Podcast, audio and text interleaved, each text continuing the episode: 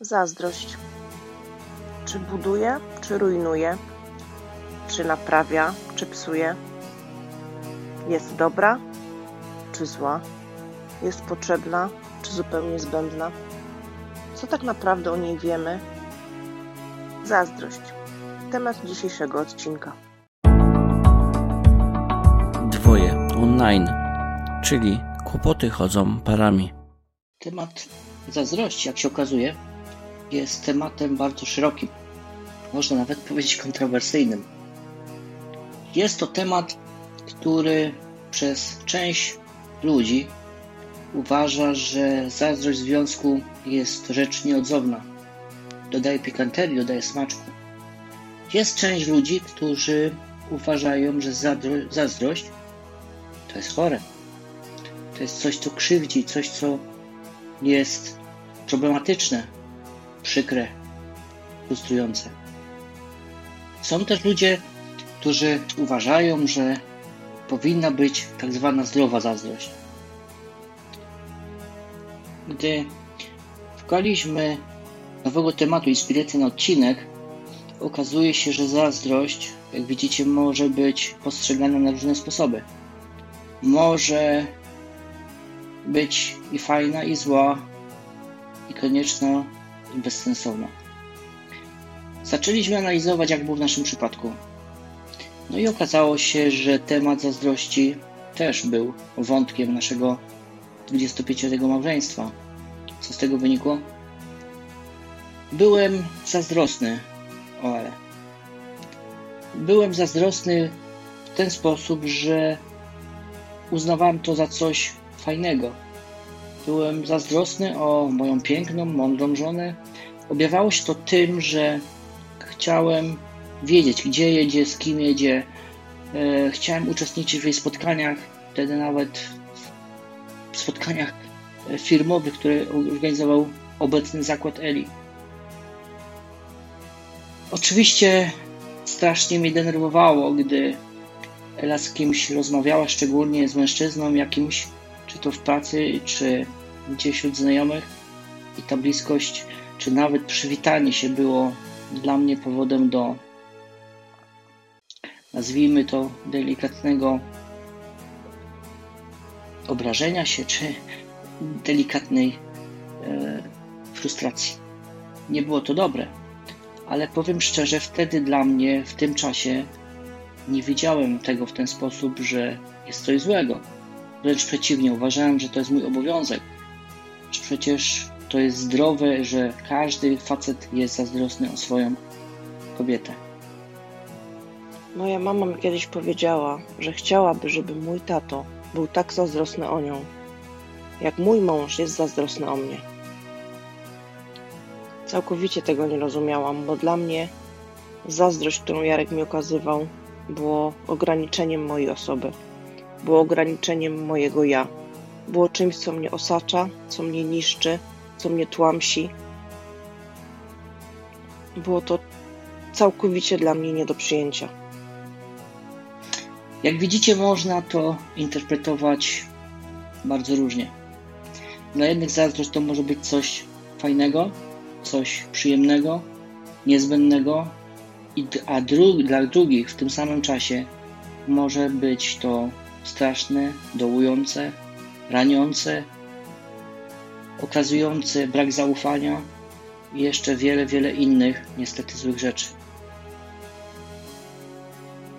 Temat zazdrości jest to temat, który z pewnością jest niebezpieczny. To jest taki temat, który warto by było mieć jasno określone zdanie. Gdzie zatem szukać? Czy można gdzieś szukać autorytetów, informacji na ten temat, albo jaką obrać drogę, jak wybrać swój sposób interpretacji słowa zazdrość, zjawiska zazdrość? Dlatego, że moje zdanie na temat zazdrości było niedobre i wiedziałam, że to jest złe i to nie powinno być w związku, ja też byłam zazdrosna. Pamiętam moment, kiedy Jarek był, robił zdjęcia, jeździł na sesje zdjęciowe z różnymi ludźmi, z różnymi dziewczynami. Za każdym razem starałam się ułożyć mój plan dnia tak, żeby jechać z nim. Żeby być blisko niego, żeby mieć go na oku, żeby mieć go pod kontrolą. Nie dlatego, że chciałam być z nim, ale dlatego, żeby go, kontrolować. Nie ukrywam, że to, że Ela była wtedy o mnie zazdrosna, bardzo mi schlebiało. Było mi przyjemnie, że moja żona chce być blisko mnie, chce e, jeździć ze mną. Oczywiście nie rozumiałem do końca, jaki był prawdziwy powód, ale wtedy było to dla mnie fajne. Nie rozumiałem do końca, nie mieliśmy tego samego zdania. Zupełnie inaczej rozumieliśmy zazdrość. Okazuje się, że to, co było między nami, nasza zazdrość, zamiast być czymś, co nas cementuje, tak naprawdę po pewnym czasie zaczynała nas dzielić. I to był duży problem. Na szczęście ten etap jest za nami. Na szczęście wyciągnęliśmy z tego wnioski. Wyciągnęliśmy z tego wnioski, które teraz wkładamy w nasze życie i to, co teraz myślimy, to, co teraz czujemy, jest zupełnie na innym fundamencie. Przepracowanym, przemyślanym, wiadomym, a przede wszystkim opartym na prawdziwej miłości Bożej. A co na temat bycia zazdrosnym i zazdrości mówi Biblia?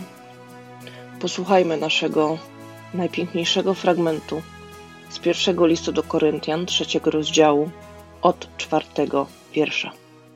Miłość cierpliwa jest, łaskawa jest. Miłość, miłość nie zazdrości, nie szuka poklasku, nie unosi się pychą, nie jest bezwstydna, nie szuka swego, nie unosi się gniewem, nie pamięta złego, nie cieszy się z niesprawiedliwości, lecz współweseli się z prawdą. Wszystko znosi, wszystkiemu wierzy wszystkim pokłada nadzieję, wszystko przetrzyma. Miłość nigdy nie ustaje. Gdy z perspektywy czasu przeczytania i posłania tego fragmentu udało mi się dojść do, nie ukrywam, wniosków, których wcześniej nie widziałem których nie byłem świadomy, może nie chciałem być świadomy, a może to nie był dobry czas. Musiało minąć trochę czasu, musieliśmy popełnić trochę błędów, żeby to zrozumieć i zorientować się, że gdyby dokładnie wczytać się w ten fragment, przestudiować go, to okazuje się, że moglibyśmy postawić znak równości. Znak równości pomiędzy słowem zazdrość a brak zaufania. Nie ma miłości, gdy jest zazdrość, gdy jest brak zaufania. Nie może być. Najlepszy autorytet, jaki może być, najlepsza księga, jaka może być i coś, co na pewno jest bezpieczne.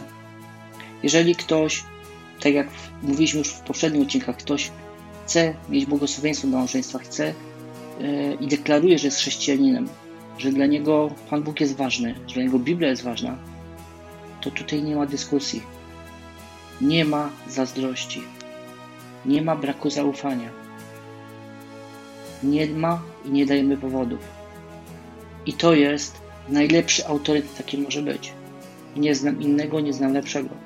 I na pewno ten jest najbezpieczniejszy dla naszego związku, dla naszej rodziny. Gdyby ktoś nas zapytał rady, zasady, jedną, dwie, które moglibyśmy polecić z naszego doświadczenia, co by to było? Zastanawialiśmy się jakiś czas nad tym i doszliśmy do wniosku, że są dwie takie zasady. Dwie rady, które możemy Wam dać i powinny one być wystarczające. Oczywiście nie wspominał tu autorytecie i tam jest najlepsza rada, ale coś od nas. Pierwsza rzecz to rozmawiajcie ze sobą. Jak widzieliście na naszym przykładzie, ta sama sytuacja była przez nas różnie interpretowana. Komunikacja to podstawa. Rozmawiajcie ze sobą i ustalcie tak naprawdę, jakie są warunki dotyczące zazdrości. Może to być fajny czas. Może to być czas przy kolacji, przy lampce wina, przy dobrej herbacie lub kawie, albo przy porcji dobrych, smacznych lodów. Porozmawiajcie, co dla Was jest zazdrością, co dla Was jest granicą, co może Was frustruje, a nasz partner po prostu o tym nie wie. Albo może my coś robimy i ranimy w ten sposób partnera zupełnie nieświadomie. I to jest jedna z najważniejszych rzeczy komunikacja, czyli rozmawiacie ze sobą na różne tematy. Nie domyślajcie się albo nie zakładajcie, że wasz partner, wasza żona, wasz mąż myśli dokładnie tak samo jak wy, że widzi to samo co wy i czuje tak samo jak wy, bo to jest nieprawda. I wiele, wiele złych rzeczy się wydarzyło z tego powodu, że ja z Elą na ten sam temat mieliśmy inne zdanie i byliśmy przekonani, że nasze zdanie to jest te właściwe i nasz związek musi być oparty na tych zasadach, bo przecież razem wspólnie ustaliliśmy. Prawda jednak była inna. I to było bardzo niebezpieczne i dało też niestety efekty. Druga rzecz to nie dawanie powodów. Oczywiście na związności się z pierwszym, jeżeli ustalimy, co jest granicą, to to musi być powiedziane i to mamy w głowie. I wtedy wiemy, że nie możemy doprowadzić do sytuacji takiej, że dajemy powód do zazdrości. Może być nawet niewinny, może to dla nas przecież to jest tylko zwykła rozmowa, to jest zwykły uścisk dłoni, albo zwykłe przywitanie, albo cokolwiek innego. Jeżeli wiemy, że naszego męża, naszą żonę to w jakiś sposób rani i umówiliśmy to, ustaliliśmy razem, musimy się trzymać tej zasady. Zazdrość to niewątpliwie trudny temat, niebezpieczny. Czasami może być przyjemny, czasami może być fajny, ale wymaga dokładnego omówienia, dokładnej analizy. Możecie mieć swoje zdanie na ten temat, możecie mieć zdanie różnych poradników, stron internetowych, możecie też wziąć autorytet Biblii, który mówi dość jasno i dość zdecydowanie. I to uwierzcie mi, nie jest jedyny fragment, który mówi o tym. Dla nas Biblia to podstawa, dla nas Biblia to wzór do naśladowania, dla nas Biblia to doskonały podręcznik. Co to jest miłość? Co to jest zaufanie? Co to jest bycie razem? Jako mąż i żona, czyli jedno ciało. I z tym chcemy Was zostawić. Zachęcamy Was, żebyście porozmawiali na ten temat. Abyście mogli usiąść razem i przegadać. I może to być bardzo fajne, bardzo przyjemne, może to być bardzo dobry czas. A może się okazać, że uratowaliście swój związek właśnie dlatego, że przegadacie ten temat. Ustalicie wspólny mianownik, wspólne zdanie, wspólną wersję, wspólną definicję, czego bardzo, bardzo serdecznie Wam życzymy. Do usłyszenia, do następnego odcinka. Usłyszymy się już niebawem. Na razie, cześć.